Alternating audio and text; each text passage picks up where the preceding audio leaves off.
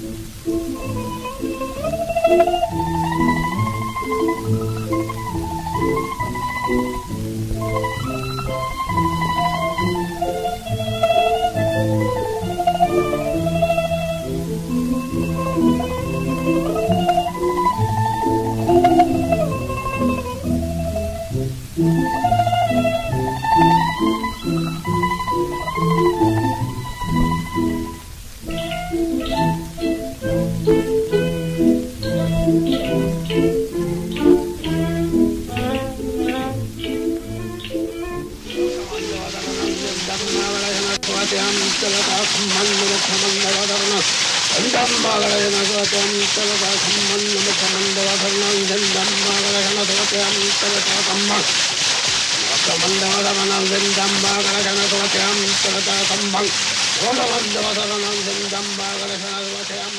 Þið heyrðuð rétt í þessu var munkurinn Jusai Sakai kyrjandi undir fossi.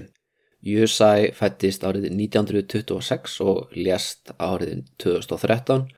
svo hann er óvenju nálagt okkur í tíma með við fólkið sem ég hef hingað til fjallað um í þessum þætti en einhvað síður var hann hluti af hefð sem rekur uppruna sinn langt aftur í tíman fyrir heian tímabilið og jafnvel alla leið til norður Indlands á fyrstu eða annari öld fyrir Krist. Jusai hann var nefnilega tenda í munkur og hann varð landsþektur, ætli við getum ekki kallað hann landsþektan skokkara, því hann vakti aðtekli fyrir mjög óvenjulegt íþrótta afreg. Það er hann laug Sennichi Kai Hogyo. Það er að hlaupa hringin í kringum hið helga híja í fjall daglega í hundra daga í senn á hverju ári í sju ár. Nú þetta byrjar nokkuð rólega, munkurinn hleypur daglega í kringum 30 km 100 dagiröð. Ef þú líkur þessari þólraun þá hefur þú náða að klára Kai Hogyo, en orðið merkir einfallega ringur í kringum fjallið. Á hýja í fjalli eru allskynns, bæði bútísk og síntóísk hof, en það var fjallið álitið heilagt og búsætustadur guða lungu áður en bútismin namn land en hlauparinn hann gerir ekki upp á milli innlendra og erlendra vætta heldur vottar hann öllum virðingu sína á þessari ferð. Og það er alveg meirinn 50 hof og helgi staðir sumstaðar þá er hann að votta ákveðnum steinum eða einhverju tré virðingu sína. En það er já mikið af heilugum hlutum aðna á leðinni en uh, þetta er svo kölluð gangandi hugleðsla og þeir sem hafa farið út að skokka sjálfur eða jafnvel bara í hraða göngu að því að þetta líkist kannski meira svona hraður í göngu þá kannist þið við tilfinninguna hvernig göngutúrin getur reynsað hugan og jafnvel ef maður skokkar vel og lengi þá breytið það svo litið skinnjun manns hvernig maður hvernig manni líður og jafnvel hvernig maður skilur sjálf sig í hinnur stóra samingi það breytir mert að, að það getur breytt miklu að, að hlaupa langar vegalendir en uh, nú ef þú klárar fyrsta árið það er að segja þú skokkar 30-40 km daglega í 100 daga þá hefur þú lokið Kai Hogyo eða nánartildekið Hyakunichi Kai Hogyo 100 daga Kai Hogyo en það var ekki það sem hann Jusai stendað þegar hann hófað skokka sumarið 1973 hann stemdi á Sennichi Kai Hogyo þúsund daga hlaup í kringum fjallið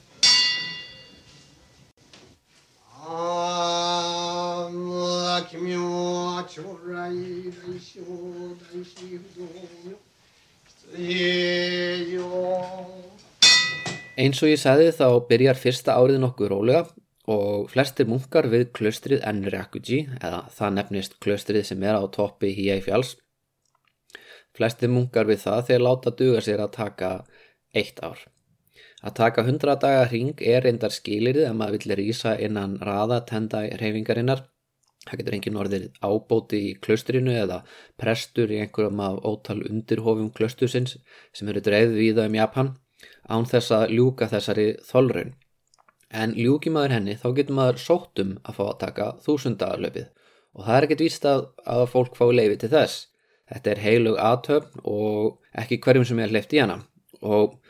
nú er ég að taka fram fyrir ykkur áhuga hlauparana hérna. 100 dagar hlaupið er að vísu heldur ekki opið uh, almenningi. Uh, sá sem hyggst taka 100 daga Kai Hókjó hann þarf að sverja skirlífsheit raka á sig skallan og lofa því að dvelja 12 ár við Enryakuji klaustrið. Uh, já, það er skilirði fyrir því að gerast munkur í tenda í hreyfingunni og þetta er mikið alvörumál því þeir sem stunda þetta þeir stefna á uppljómun. En það er já, frekar strangt umsóknarferðli í 100 daga hlaupið en ennþá strangar í þetta 1000 daga hlaup byrði hlaupar um að fá að hlaupa í 1000 daga þá fer nefnd í að metja umsækjatan því að sangkvæmt hefðinni þá uh, fær maður ekki að snúa við. Það er ekki baki snúið, ef þú nærði ekki að standa við eigðin um 1000 dagana þá berðir að fremja sjálfsmorð. Og sért ekki færið um það þá færðu aðstóð þannig að það er ekkert meira svona ægi með verkjar í bakið, ég er eitthvað slappur í dag ég er með slæmar hásperur það er ekki alveg í bóði Guðin, Fudóm, Mjó hann er ekki app sem þú liður niður í, síman til þess að telja skrefiðinn hann er Guð og hann mun fá þessi skref með einum eða öðrum hætti. Og nú þarf ég að sjálfsögða bæta við að þetta sé ekki svona í dag vissulega var þetta kannski svona í fortíðinni já, við vitum að frá árinu 1571 hafum 40 manns hlaupið 7 ára ringin og hvort einhver hafi hætt við og fram við sjálfsmorð á 20. stöldinni já, hallan fylgir ekki í mínum heimildum sem er, uh, já, það er einn fræðigrein hérna, sem ég mun uh, linka inn á, inn á atna, síðu hlaðvarpsins en það væri þetta kól ólöglegt í Japan í dag þessu líðræðisríki að þynga einhver til að fremja sjálfsmorð og já, þó svo að atna, sjálfsmorð séu algeng í Japan hlutfallega og þó svo eh, kannski í einhverjum jáðartilugum hafi fólk fundið fyrir pressu eh, frá samfélaginu þá, eh, já, þá er það auðvitað kól ólöglegt. En bara svo ég nefni það bara svo ég nefni það þá eru stærstu glæparsamtök Japans Yakuza samtökin Yamaguchi Gumi þau hafa haldið sérstakka aðtöfn við klaustrið en Þau hafa haft í gegnum tíðina ansi náinn tengsl við eh, hreyfinguna og munkar við Enrekuji þeir blessuðu aðstu höfuð Yakuza samtakana árið 2006 nokkuð sem að lauraglan í héræðinu óskaðu auðvitað eftir að klöstrið myndi hætta við. En uh, klöstrið tók við fjármagni frá glæbarsamtökunum og þau hafa verið gjafmild við tenda í gegnum tíðina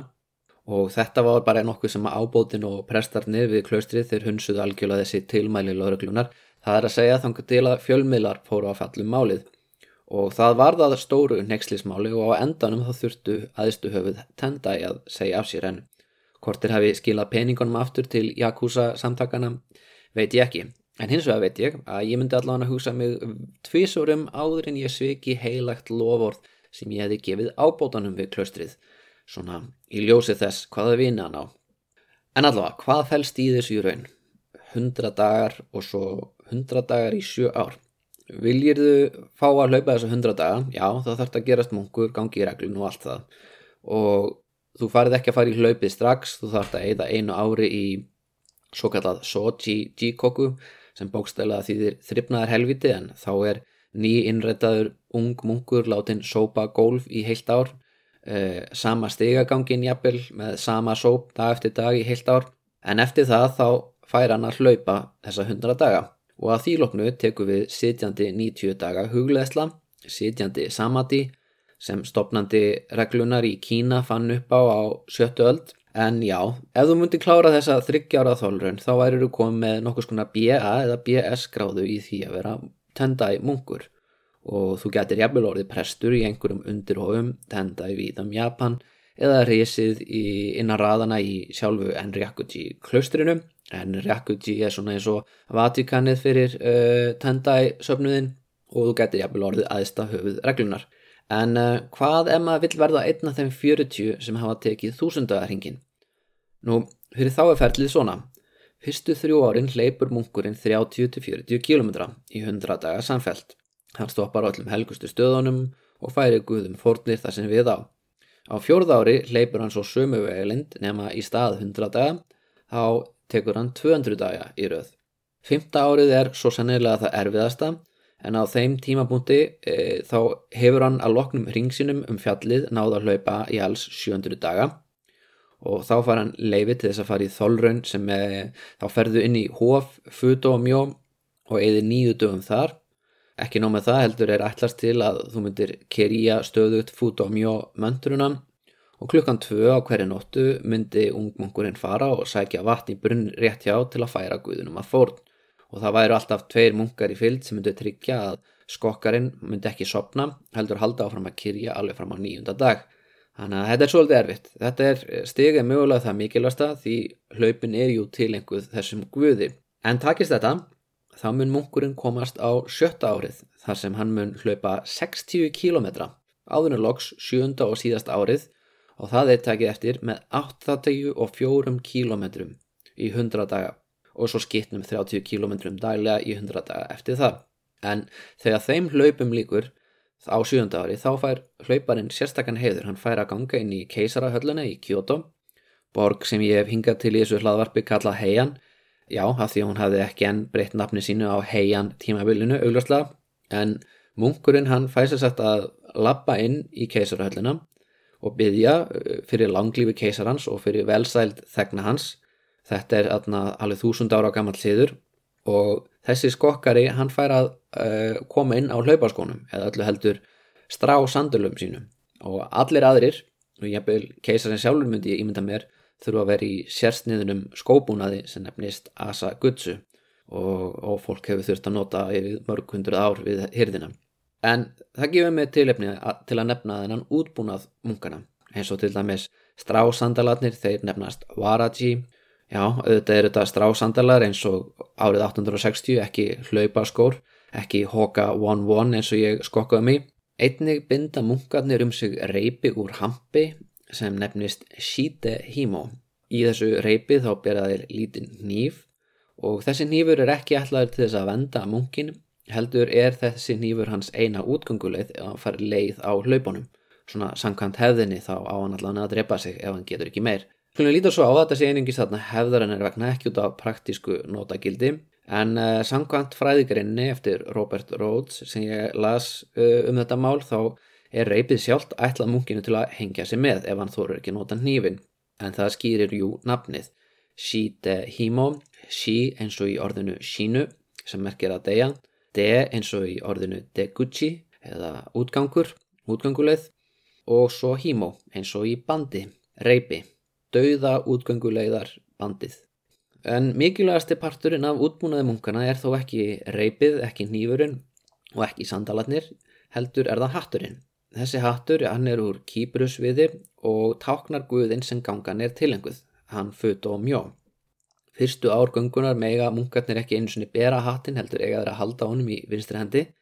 en það er þó gerð undantekning þegar rignir og það er bísna mikilvæg undantekning því að í Japan getur ringt bísna oft. En eins og til að undistrykka hversu mikið döðin vofir yfir munkunum sem fari í þessa þregrun þá er skildingur geimtur inn í hattunum. Rokumon Sen er hann kallaður eða þetta er 6 mon í gamla myndkerfinu, gamla myndkerfi edo tímabilsins og þetta er uppaðinn sem þú þart til að greiða ferjimanninum sem ferjar sálir hérna framiliðinu yfir fljótið Sansu. En þetta er svona svipað í grískri góðafræði, í samkvæmt eh, bútískri hefð þá þarf að fara yfir fljót til að komast í ríkina döðu. En fljótið Sansu það er sótt í hindúiska góðafræði en uh, í japanskri hefð þá er það talið uh, likja skemmt frá eldfjallinu Osori í Aomori hér aði sem er reyndar alveg sérkabl út af fyrir sig og kannski þessi við að taka hlaðarpsátt um þetta Osore fjall. En já, ef þú lifir þúsundagagönguna af, nærða kyrja í hofi Fudomjó, heimsækjöld helstu hof Hiei og Kyoto á sjött ári, vaða inn í keisarahöllina á skítugum sandulum, þá þarftu ekki að gera mikið meira annað en að fasta í nýju daga við Muto hofið. Þar brennirðu gómastangir eh, sem er ákveðin tegund af reykjelsi, ferð með möndrur, passaðu á að borða ekkert auðvitað og reynir að halda þig vakandi. Og eftir það hefur við áunnið þig titilinn Dai Gjóman sem mætti því það sem mikilmenni og ég held að það sé svo sem atna, vel verðskuldað já, ég meina þetta er, uh, ef þú hefur hlaupið þessi sjö ár tekið þarna þúsund daga og stundum farið alveg alltaf 80 km á dag þá segir bara vel að sé vikið þú ert svo sangallaður Dai Gjóman en einungis 40 manns hafa tekið þennan 7 ára ring frá því árið 1571 og ástæða þess að við vitum ekki hver, hversu margi tókan frá árunni 1860 til 1570 þessi laup hafa verið við tenda í hófið alveg síðan 1860 nú við getum þakkað uh, stríðisaránum Oda Nobunaga það því hann brendi klaustrið og all skjölin inn í því árið 1571 en ég get alveg trúa því að á heiantímanum hafi mun fleiri tekið hennar ring heldur en gerðu síðar að því að blómaskeið tendai var, var heian tímabilið. Enguða síður, þetta afreikaði munkurinn Yusai Sakai milli árana 1973 og 1980 og ef hann hefði stoppað þar þá hefði hann eflust ekki orðið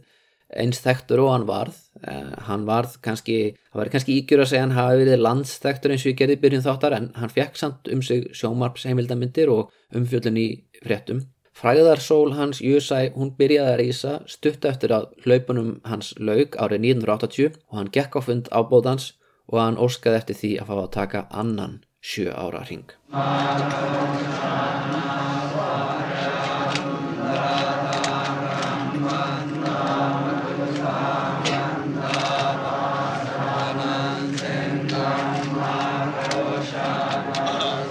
Ef þið hlustuðu á þáttinn minnum Hugai þar sem ég lýsið í hvernig munkar í Singonherr reyndu að umbreyta sér í lifandi múmjör með því að geta trjákóðu og svelta sig þá hljómar þetta kunnulega en ólíkt Sokushin Butsu sem er frá svipiðum tíma og Kai Hokyo Sokushin Butsu merkir að umsögulegst breyta sér í búta en er í raunin svona self-mummification eins og það heitir á, á, á ennsku og mætti alveg segja að það væri langt ritualiserað sjálfsmorð. Uh, nú augljóslega meðlimir Shingon sjá þetta allt öðrum augum. En það er búið að banna Sokushinbutsu það er óleifilegt að að breyta sjálfur sér í mumju en hins vegar þá er ekki hægt að banna fólki að fara út á skokka. Og því hefur Kai Hokyo aldrei verið bönnuð og ekki verið til tals að banna það held ég En þessi heitlandi hefð, já, hún hefði sagt hófst árið 1860 með munkinum So Osho sem var að hugliða, stóð undir ísköldum fossi hátt upp að fjalla að kyrja þegar Fudomjó byrtist honum og lísti því hvernig, já, menn kætu öðlast uppljómun með því að, já, fara út og skokka. Og síðan þá höfur hefðin haldist gangandi, bókstarlega gangandi, alveg frá því hún hófst árið 1860 til dagsins í dag og bara svo við setjum þetta í samingi og okkur sjálf, alltaf gaglegt að gera það, þá er nú talið að maðurinn upp á Arnarhóli, hann Ingólfur, fyrsti landnum Íslands, hafi fundið öndvegi súlu sínar í kringum árið 870. Þannig að þessir hlaup eru mögulega tíu árum eldri heldur en landnám Íslands sangkvæmt landnámi. En uh, nú þarf ég að leiða ykkur enn lengur aftur í tíman. Það er, uh, saga okkar hefst ekki einu sinni árið 860 ef við ætlum að tala um munkana á híja fjalli uh, norðaustan Kyoto og setja þá í, í samingi í, í sögunni þá verðum við að ræða Mahayana buddhisman. Við höfum eiginlega bara talað um uh, Vajrayana buddhisma sérstaklega en það er þarna í rauninni um, ekki nærði ja, mikilvæg grein í svona japansku samhengi. Þannig að nú skulum við fara aftur spóla tilbaka fara yfir Silkivegin uh, þar sem Mahayana buddhismin mótaðist á lönguferðalagi sínu millir Indlands og Kína. Eh, fari í gegnum fjalladæli Afganistans þar sem grískættaðir konungar afkomendur makedónskra hermana í, í heri Aleksandrs Mikla e, drotna yfir eh, einhverjum afdalabændum já og á þessum vegi okkar verða eflust líka tyrkneskir hyrðingjar og persneskir silkiköpmenn allir þessir karakter að taka þátt í að breyða út fagnaðaririndið og, og, og móta það sínum þörfum Það er á þessum vegi sem að einn merkasta súdran í, í japanskum bútisma, einn allra helgasti tekstin í Mahayana bútisma, já hann berst til Kína og það er svo kallaða Myoho Renge Kyo, nokkuð sem við á Íslandi nefnum Lotus sútruna. Namyo Renge Kyo, Namyo Renge Kyo, Namyo Renge Kyo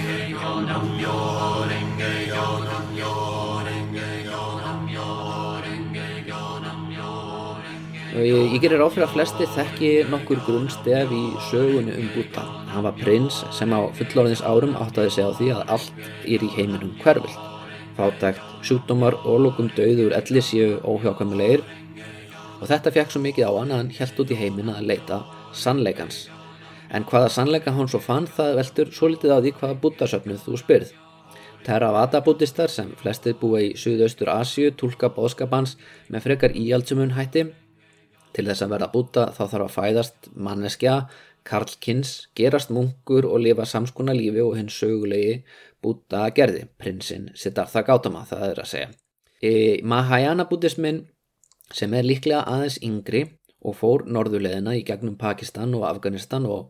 Mongóliu, Tíbet og loks út af Silkiveginum út úr Eðimörkin og inn í frjósamt ræktaland miðju konungdæmisins við Gulafljótið, það er að segja Kína. Hann er með þess opnari tólkun. Í Mahayana buddhisma eru marga leiði til uppljómunar og okkur til aðstofar eru bótið sattvar sem endur fæðast meðal okkar til að hjálpa okkur að leita sannleikans. Þaðan fái líka típun eins og Dalai Lama sem hefur endur fæðast ótal sinnum og er endar strántilt tekið eh, Vajrayana bútisti eh, alveg eins og meðlimir Singon en stundum er Vasarayana buddhismin flokkaður sem undirgreina Mahayana veldur í rauninni svo litið á hvernig þú spyrð líka. En eh, samkvæmt Mahayana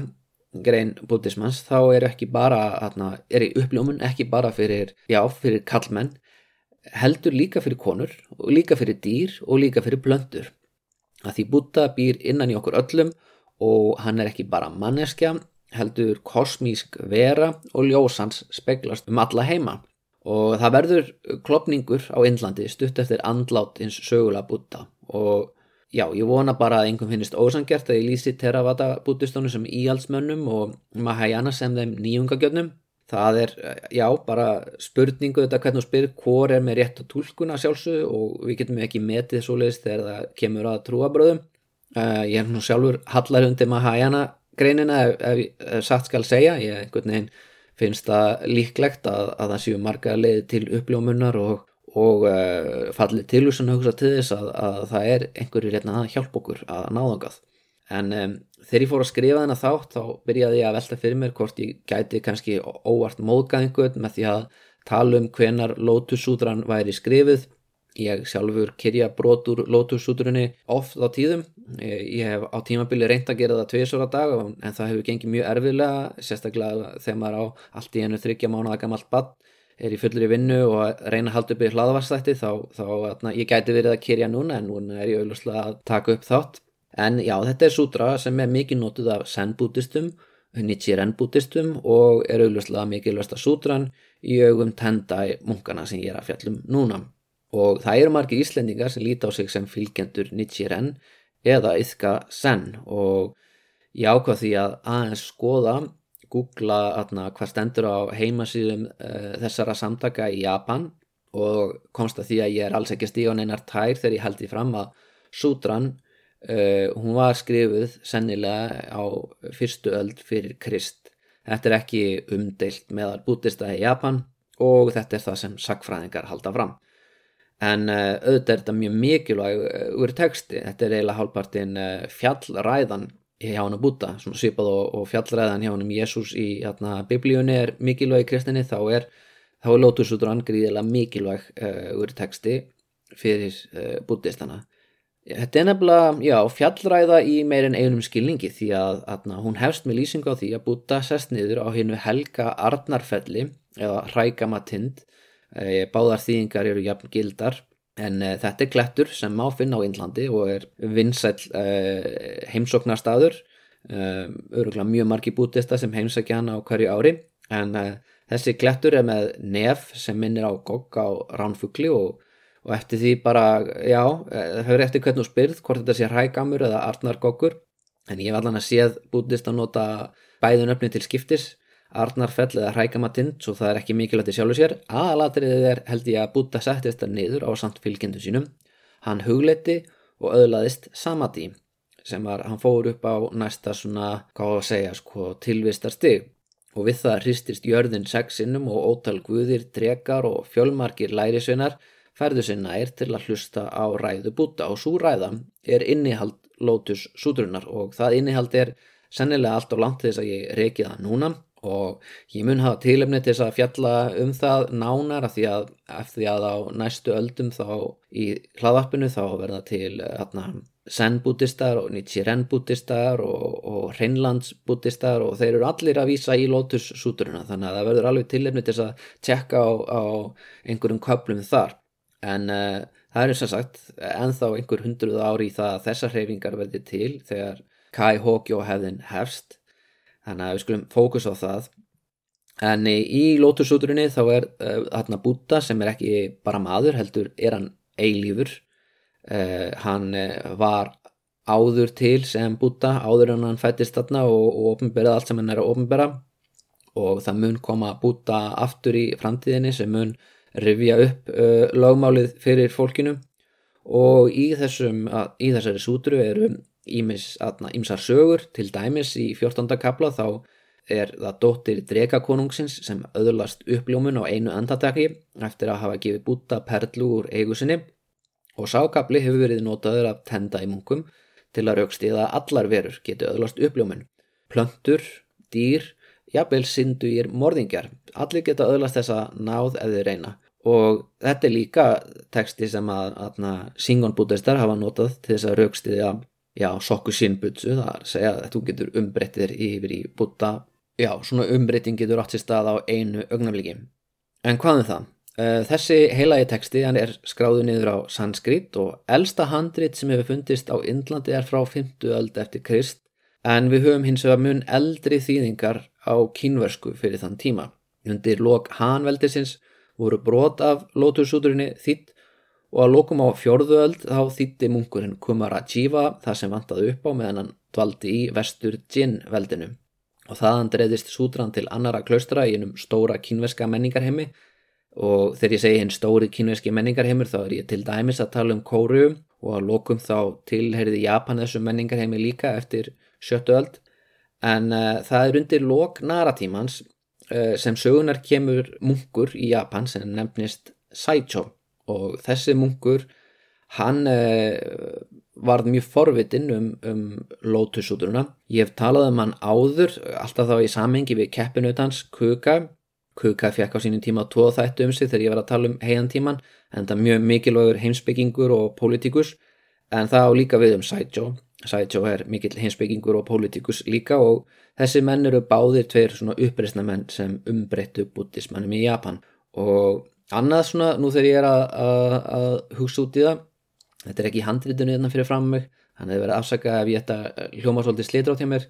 þá fór hann Kukai til Kína til þess að leita upp í heilaðan texta sem hann atna, vildi geta lesið í heilulagi og lært frá einhverjum sem hefði stútirað allæfi og það sama á við Saicho, þetta er bara önnur sútra, Lotus sútran. En Undir loknaratímans, þegar hann Saicho kemur fram á sjónasviði, þá er buddhismin eh, búin að breyðast um Japan og hann er orðin mjög stopnanavættur og reyndar frá uppafið þá hefur ríkisvaldið alltaf skipt verulegu máli fyrir þróunans. Það voru keisarar sem lefðu buddhisman og líka bönnuðan þar áður, svo voru það aðalsmenn við hyrðina og keisarinn sjálfur sem nótuðan til að skapa ný valdakerfi á kostnað gamlu guðana. Stærstu hof naratímans voru nátengt keisaranum og stórum aðalsættum eins og Fujiwara-ættinni. Og sumir keisarar augljóslega mjög trúaðir eins og Monmu sem reisti líkneski af hinnum læknandi búta. Uh, já, hinn læknandi búta kemur meðal annars fyrir í lótuðsúturinni, það er þarna Yakushi Nyorai. En uh, það líkneski var svo stórt að það setti ríkisjóði næstu á hausin og kostaði Japan drjúan hluta af landsframleyslunni í mörg ár Þau getið bara að tjekka á þátt, þáttunum mínum um narratímabli til að heyra nánar um það. Og líka dóttur hans, Koken, sem var eiginlega nánast búin að afhenda ríkisvaldi til bútistana þegar hún gerði munk að forsættistar á þeirra sínum og loks erfingja. En keisarættinni tókst þó að endurheimta völdin aftur. En þetta var samt þróun sem fór að vekja ugg því að þarna áður fyrr hafði bútismin verið sko verkfæri í höndum valdhafana til þess að, til þess að riðja burtu svona lokal guðum og, og svona miðstýra trúabröðum og, og svona, þú veist, buddhismin kemur með ímsum kostum, það hann, hann virkar svolítið eins og kristnin í Evrópu, það er að segja að konungar geta tillað sig sem vendara hérna trúuðu og þau geta notað þá í, í pólitískun tilgangi bara til þess að auka miðstýring og svo leiðis en svo eins og gerðist í Evrópu á miðöldum þá, þá uh, fara trúarhefingarnir að öðlast sjálfstætt líf og þetta óttuðu keisararnir sig á. Keisarinn Kanmu hann áttar sig á því að uh, hofin í Nara eru orðin það stóra þau jafnast á við keisarhöllina og ekki nóg með það heldur þá er þetta í rauninni svona sjálfstætt skrifuraði sem hefur yfir að ráða miklu mannabla, stórum landaregnum,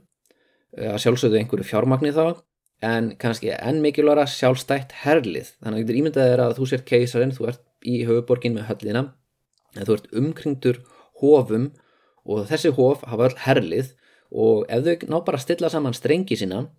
ef það hefði við til dæmis verið betri pólitíkus en uh, munkurinn sem var næstuði búin að gera sig að keisara,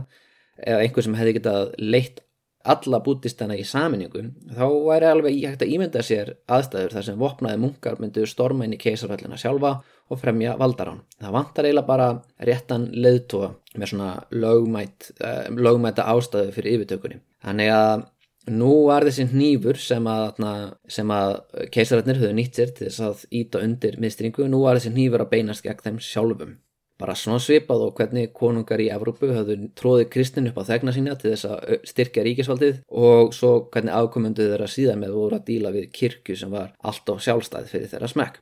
En keisarin kannmu hans að satt ákveður að yfirgefa borginna Nara þar sem þessi keisarhöll er umlugin klösturum frá öllum áttum og hann byggir heian og hann setur stranga reglur um heian innan borgarinn er mega bara að vera tvö hof eitt í vesturhelmingi og annað í austurhelmingi og keisarin fara að ráða hvaða búttistar mega nota þau. Og hann, tenmu, nei, og hann kannmu segja, hann er mjög svona sniðugur með þetta, hann byrjar að styrkja aðna, aðrar og nýjar reyfingar til þess að grafundan gömlu reyfingunum, grafundan gömlu skólunum í, í Nara. Og það vil svo til að innan skams þá fer þessi ungi munkur hann Sætjó að vekja áhugans út af því að hann Sætjó hefur á sínum tíma yfirgifið Nara og sestaði í fjallinu Híi sem er bara í nokkura kílometra fjallað frá öðna, nýju höfuborginni norðaustan megin meiri segja sem er enn hafkæmara því að það er hægt að nota hann þá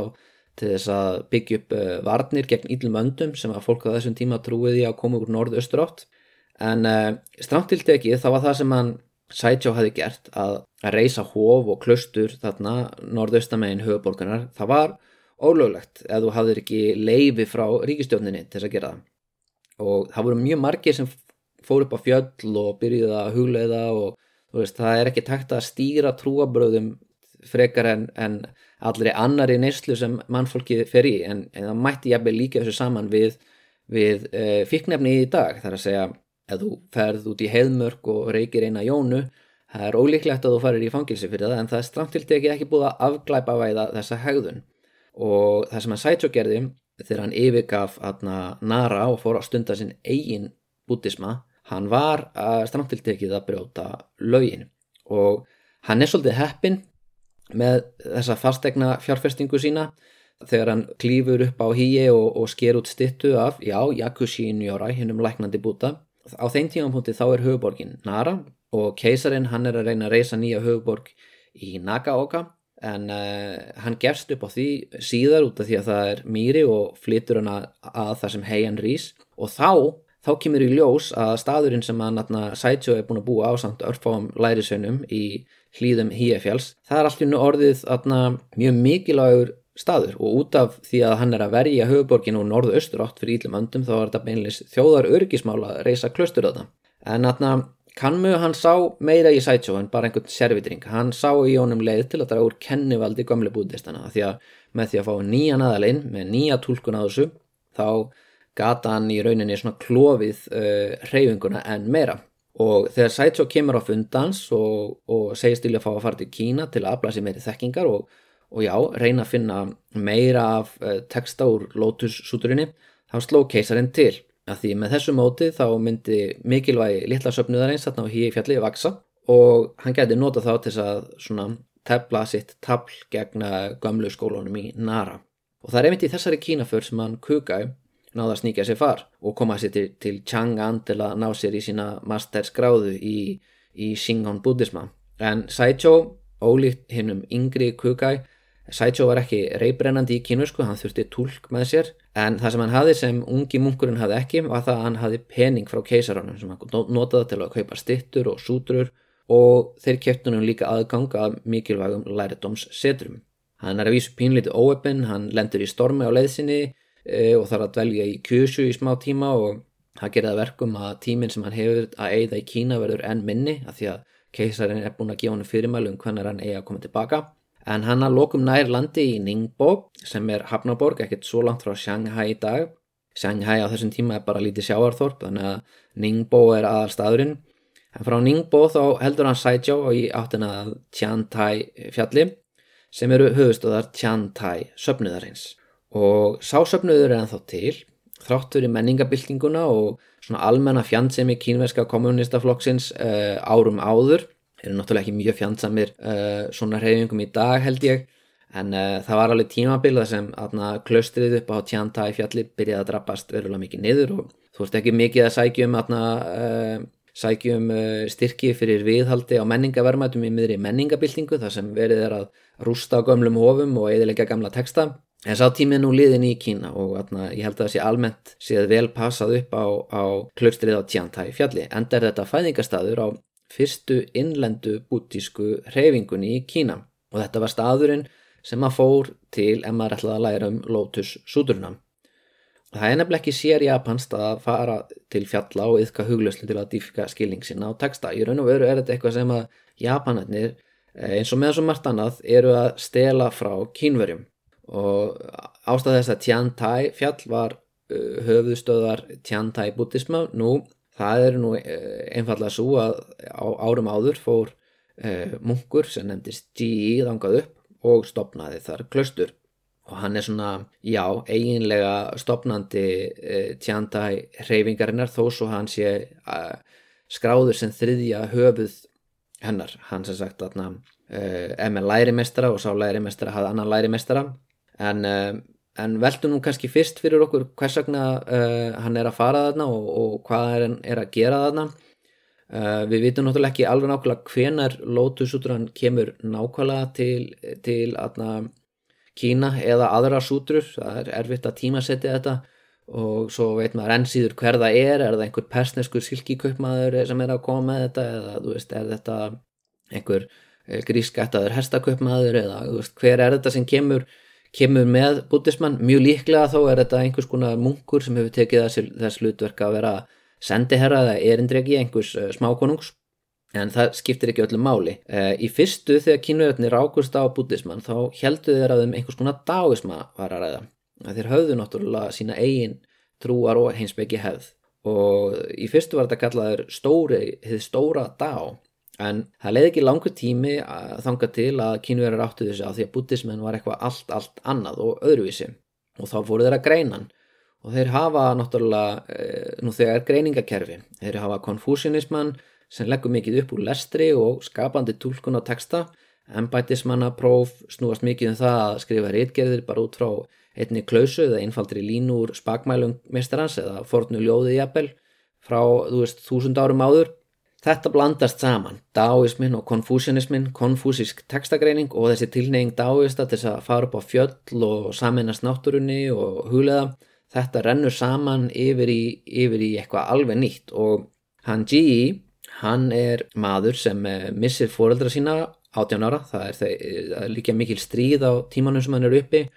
og hann missir fóreldra sína og er unn allt þorpið og Eftir þetta mikla áfall þá eiginlega bara gafst hann upp á heiminum og ákveða að leita dýbri sannleika og fann það í trúsinni. Hann gerðist munkur og hann eitti restina af æfisinni í því að búa upp á tjantæfjalli og stúdera lótussúturuna og atna, e, vegna þessara arfleðar, hann er náttúrulega ekki á lífi lengur þegar Saito kemur ákvað en e, lærisveinar hans og lærisveinar þeirra er á lífi og Saito er einmitt að leiða hitta þá til þess að, til þess að læra um Tendai. Tendai er uh, japanskun á Tiantai og uh, í sjálfsögur væri hægt að eða meiri tími hann G.I. Hann er einn af merkustu heimsbyggingunum í sögu kínversks bútisma en uh, ég því miður er ekki nógu fróður í bútisma til þess að geta komið einhverjum svona almennilega atna, greining og æfistarfi hans Uh, ég get sagt ykkur að hann, hann leggur til ímsa leiði til að öðlast samati og eina er svo að huglega sitjandi í 90 daga og rýsa einungis upp til að sinna allra nöðsilustu líkamlegu þörfum. Einu svo að vaka sem mest í 90 daga og svo er það með aðrar öfgafullar aðferðir eins og til dæmis að ganga um í 90 daga og þannig komir svona fræ að ákveðinni höfð sem best yfir til Japans, hugsa ég. En þarna stúderaði Saicho um stuttan tíma, tók með sér mikið að textum og myndum og stittum sem áttu eftir að hafa áhrif á listsköpun á heiantímanum. En, en þetta eh, klustur, bara svo í klári sögunu það, það þarna undir logæfans GE þá var uh, stríðstímabilið eða búið. Kína var búið að saminast aftur undir Sui keisaradæminu sem er svona undanfarið tangveldisins og nýju keisarinn hann vildi styrkja atna, þennan gamla lærimestra og, og og gá hann pening til að reysa klustur og það var bara frekar stór viðkenning fyrir fyrstu svona innlendu bútísku hefðina því að auðvitað hefur verið til klustur áður og svoleiðis en það hefur verið munkar sem voru að, jafnvel erlendir munkar sem voru ábátarðar, einhverjir frá Indlandi eða einhver starra frá einhverjum konundæmum á silkileðinni sem voru að kenna í anda já, þess sem atna, var verið að kenna í, í, í vesturinu en hérna sprettur upp hefð sem er aðlöguð að svona kínverskum veruleika. Og þetta klöstur lifði af Sui og það lifði líka af Tang-veldið, jápil þó svo undir lok þess þá hafi keisarar Tang e, snúist gegn bútisma.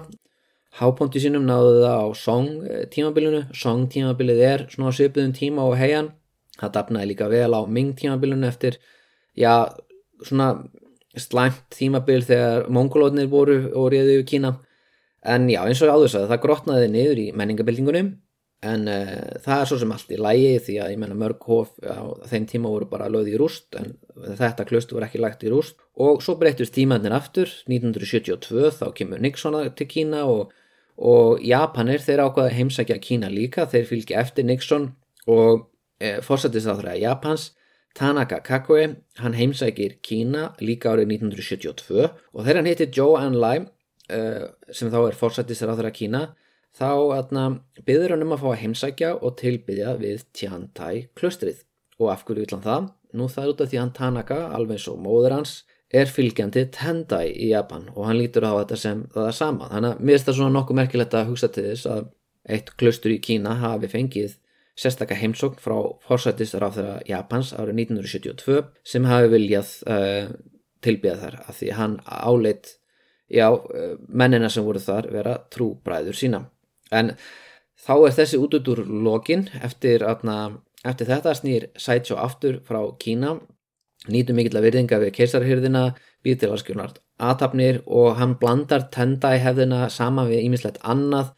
meðal annars uh, leindardómsrítúl sem hann er að læra frá Kukai og eru ekki hluta af kínverska tjandai en eru nú orðin hluta af japanska tendai. Hann er líka með smá dass af zen-buddhisma og ímsu öðru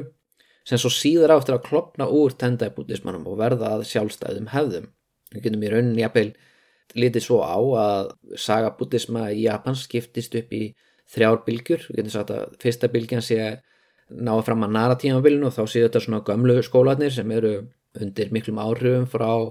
jafnvel Indlandu og Suðaustur Asju það eru þarna jafnvel munkar sem hafa farið alla silkileiðina og, og eru upprunnilega fættir einhverstar á norður Indlandi sem koma og výja byggingar og svo leiðis síðan komast Tendai og Shingon á, á heiantímanum og þetta eru svona kínverskar uh, hreyfingar, þetta eru eitthvað sem að uh, þetta er svona bútismi sem að kínverður eru búin að móta og, og Japanin taka við. Og síðan er þriðja bylgjan í raun og veru það sem gerist á Kamakura tímanbylnu þegar svona Japanir sjálfur byrja að móta þetta að sínum þörfum innanlands. Svona japansk tólkun á, á tekstanum og þá fáum við Zen og Nichiren og Hreinlands buddhisma en um, Lotus Sutran hún er uh, aðalsútran hjá Nichiren buddhistunum hún er mikilvæg hjá Zen buddhistunum og líka hjá Hreinlands buddhistunum og í huga tenda í fylgjenda þá er hún líka hérna mjög ofalega jafnvel efst á dagskrá þó svo aðrar sútur síðan líka mjög mikilvægur. En uh, já, lókum þá fekk Saito leiði til þess að stopna klustur ofinbella, það var nefnt Enryakuji og reys í hlýðum Hiei sem er eins og áðursæði þarna norðaustan Kyoto og líka skamt frá stöðuvatninu Biwa sem er stærsta stöðuvatn Japans og þar skamt frá reys hofið Midera sem varðið eitt mikilvægsta hof heiantímans og er sér sagt þarna já, í rauninni svona undirhof frá uh, Enryakuji þetta er í hlýðum hérna Hiei-fjalls líka. Og þar skamt frá rýs lítið þorp sem nefnist Sakamoto henda með tímanu þegar munkarnir fjölga yfir í það að vera 2000 talsins þá þarf líka fólk til að sinna munkunum, munkarnir eru að sinna helgihaldi og, og búa til handverk og ýmislegt fleira en það þarf líka fólk til að vinna á, á ögrunum sem að e, klaustrið er búið að eignast og það þarf kaupmenn til þess að, að selja þeim varning og pappír og silki og hvað eina sem þarf til þess að, til þess að sinna e, reksturinnum og það er á þessu tímapunkti sem að, að það er að myndast svona vísir að þorpi og einhverju bæjarsamfélagi þarna í hlýðum Híefjáls sem til söguna kemur munkurinn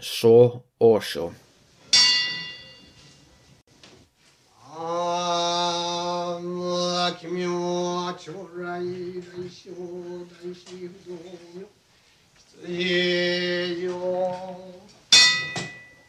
Hann er lærisveit, lærisveins hans eh, Sætjó, það er að segja Sætjó á lærisveinin ennin sem verður ábútið þarna á klösturinu og ennin hann eh, tekur á sig lærisveinin svo Osho já, hann er hann sem finnur upp á þessum hlaupum hann árið 1860 og eflaust þá getur hann gripið í ímestlegt sem er nú þegar í kínvesku tjantai hefðinni eins og til dæmis það að ná gangandi samadí þú nærð eh, samadí með 90 samfleitri göngu Það er ímislegt annað inn í þessari kæhókjó hefð sem er líka bara mjög kunnulegt og standard innan annara bútískra hefða. Það neyta sér um mat eða svefn í lengri tíma, það er náttúrulega bara hluta því að öðlast eh, þessa sjálfstjórn og, og, og fjarlægð á sin eigin líkama sem að þarf til þess að ná upp á næsta tilvistastig. En uh, auglustlega eins og ég hef áður sagt þá er Tenda og Tianta í Kína ekki alveg það sama. Þetta náttúrulega breytist eh, í Japan og hann aðna ennin skreppur líka til Kína og, og lærir þar fleiri svona lindadónsfullar hefðir og, og aðalsfólkið á, uh, í heian það fílar svo litið að, að hafa lindadóma að þurfa að að aðna að gangi inn í svona leinifélag, þetta eru svona launhelgar ef svo maður segja. Og e, svo Osho hann gerist uh, lærisveitn hans ennin og hann lærir af honum buddískar launhelgar. Uh, hann lærir af honum leinilega eldserimónium sem snýstum að brenna reykilsi nánatildikið góma stangir eins og í nýju daga loka að töfn 7 ára göngunar. Og þessi eldserimónia hún var til einhverð guðunum Fudo Mjó og, og hafði mikil áhrif á hann svo og og, og það er kannski tímabært núna við ræðum þennan guð Eh, Fudo Mjó eins og bútismin sjálfur hann rekur upp af sitt til Indlands og til hinduismans uh, fyrir Kristburð. Hann gekk undir nafnunu Akala hinn óhaganlegi verndari og það gæti verið að hann hafi verið byrtingament indurska guðsins Shiva henn á stittum þá var hann oft mjög reyðilegur á sig hann með sverðalofti sittur í lótustellingunni eða er standandi en alltaf í miðju eldhafi en það er það hlutur kanns að brenna burtu allar hindranir á vegi hinn að trúiðu en uh, þó svo hann Futo sé til á meginlandinu þá er hann sannilega langvinnsælastur í Japan meðal annars út af uh, Tendai hefðinni. Hann er mjög algengur í húðflúri á Yakuza meðlumum svo eitthvað að segja nefnt og hann kemur við í helgisiðum hjá Sen, Nichiren og Shingagon bútistum meðal annars. Og það er líka mjög algengt að svona fjallamunkar sem er að kyrja einir í fjöllum, svona sjúkendomunkar þeir gerir alltari sem eru til einhvern fút og mjó enda er hann í því að riðja burtu hindrunum og, og, og hjálpa þeim sem eru svona að reyna svona þólraunir en uh, nafni hans breytist á silkiveginum úr því að vera Akala hinn óhaganlegi eh, yfir í það að vera Budong á kínversku og svo uh, er það eitthvað sem hann munkurinn Kukai rekst á og hann ber uh, það fram Fudo með effi Fudomjó, hinn óhaganlegi vísdómskonungur. Og það veitur náttúrulega ekki af einhverjum vísdómskonungi til að reyðja byrtu hindranir þegar menni ætla að hlaupa stanslust í sjú ár og fasta þessa milli. En eftir þessa eldatöfn þar sem svo kynnist þessu indverska goði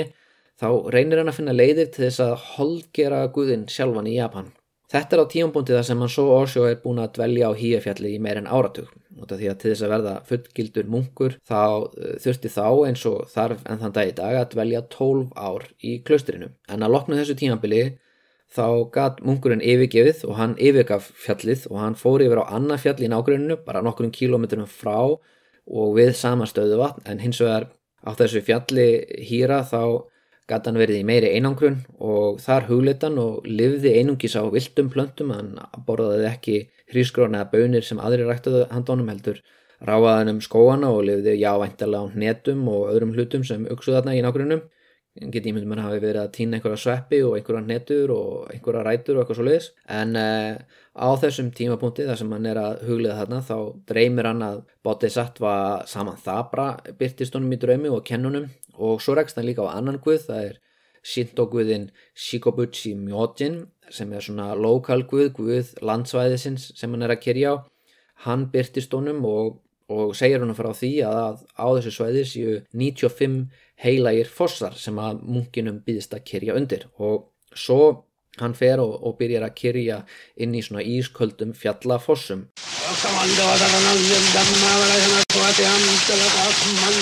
Og hann er að kyrja þegar hennu byrtist Guðin Jón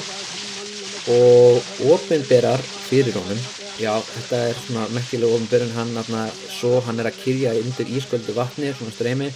Og þá allt í hennu byrtist Hrúdán Jón uh, logandi og svo hann stekkur og ætlar að faðma Guðin að sér en þegar hann stekkur úr fossunum þá eh, reynist þetta bara að vera blöytur viðardrumpur en hann tekur samt viðardrumpin og hann sker út líkneski af Guðinum og, og þarna verður til svona vísir að hofinu Mudoji. Loka hofið á þessari sjö ára göngu hofið þar sem loka aðtöfnun fer fram. Og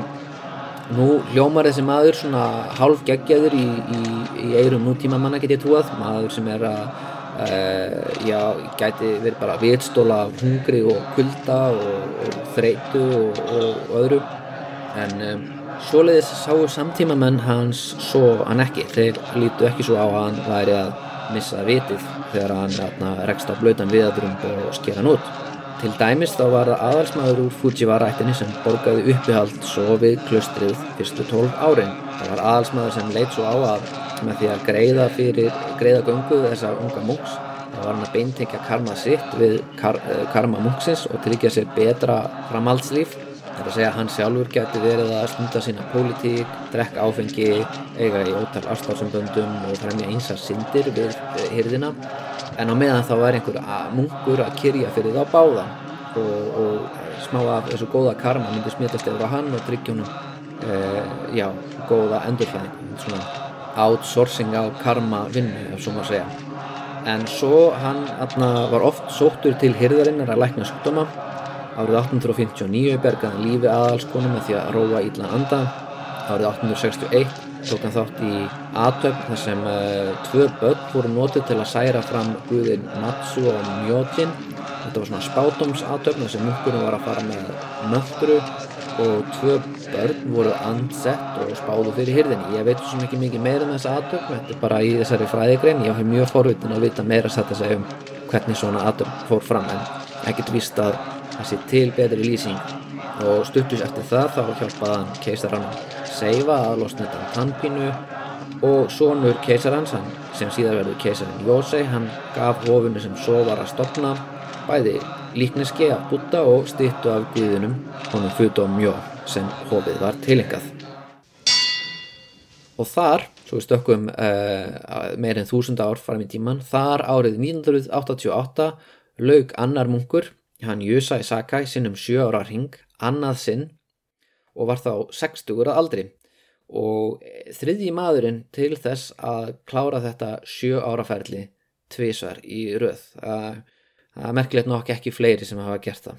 En uh, kannski voru það ígjur hjá mér fyrir þáttunum þegar ég segði að hann hefði verið landstæktur hann allan rataði fréttir og fekk um sig heimildamind. Og já, allan hafi ekki verið svona, svona mini-celebrity við Enryakuji klaustrið en hann kláraði þólraun sem að munkur stopnaði meir en þúsund árum áður tíu árum áður en landnám við Ísland hóst sennilega. Og já, ég veit ekki hversu nálagt þessi hefð er uh, uppruna hefðinni því miður auðvitað að það var bruni 1571 sem tryggir að við getum aldrei verið alveg viss. En uh, hins vegar þá get ég alveg vel trúa því að munkar síðan 1860 hafi verið í svipuðum hvítum fötum, samskonar hatta, strásandala og jafnvel með svona síte hím og reypi, skilding og hníf ef skeið kynni að einhver ná ekki standa við lofur sitt til vendarans óhaganlega fut og mjó. Í næsta þetti mun ég halda áfram að ræða tendæmunkana á hýjafjalli og meðal annars ræða hvernig þið blandast inn í pólitíkina undir lok heiantímans en um, endalógin verður nú ekki í næsta þetti, mögulega upphafið á endalógunum en uh, í honum mun ég segja ykkur frá uh, tendæmunkunum og óvinnum þeirra, þessu fjölmörgum óvinnum þeirra og svo mun ég segja frá munkinum sem varð svo reyður að hann breyttist í róttu og eins og alltaf þá vona ég að þetta hafi verið fróðulegt og ef ekki fróðulegt þá að minnstu kosti skemmtilegt. Takk fyrir hlustunina.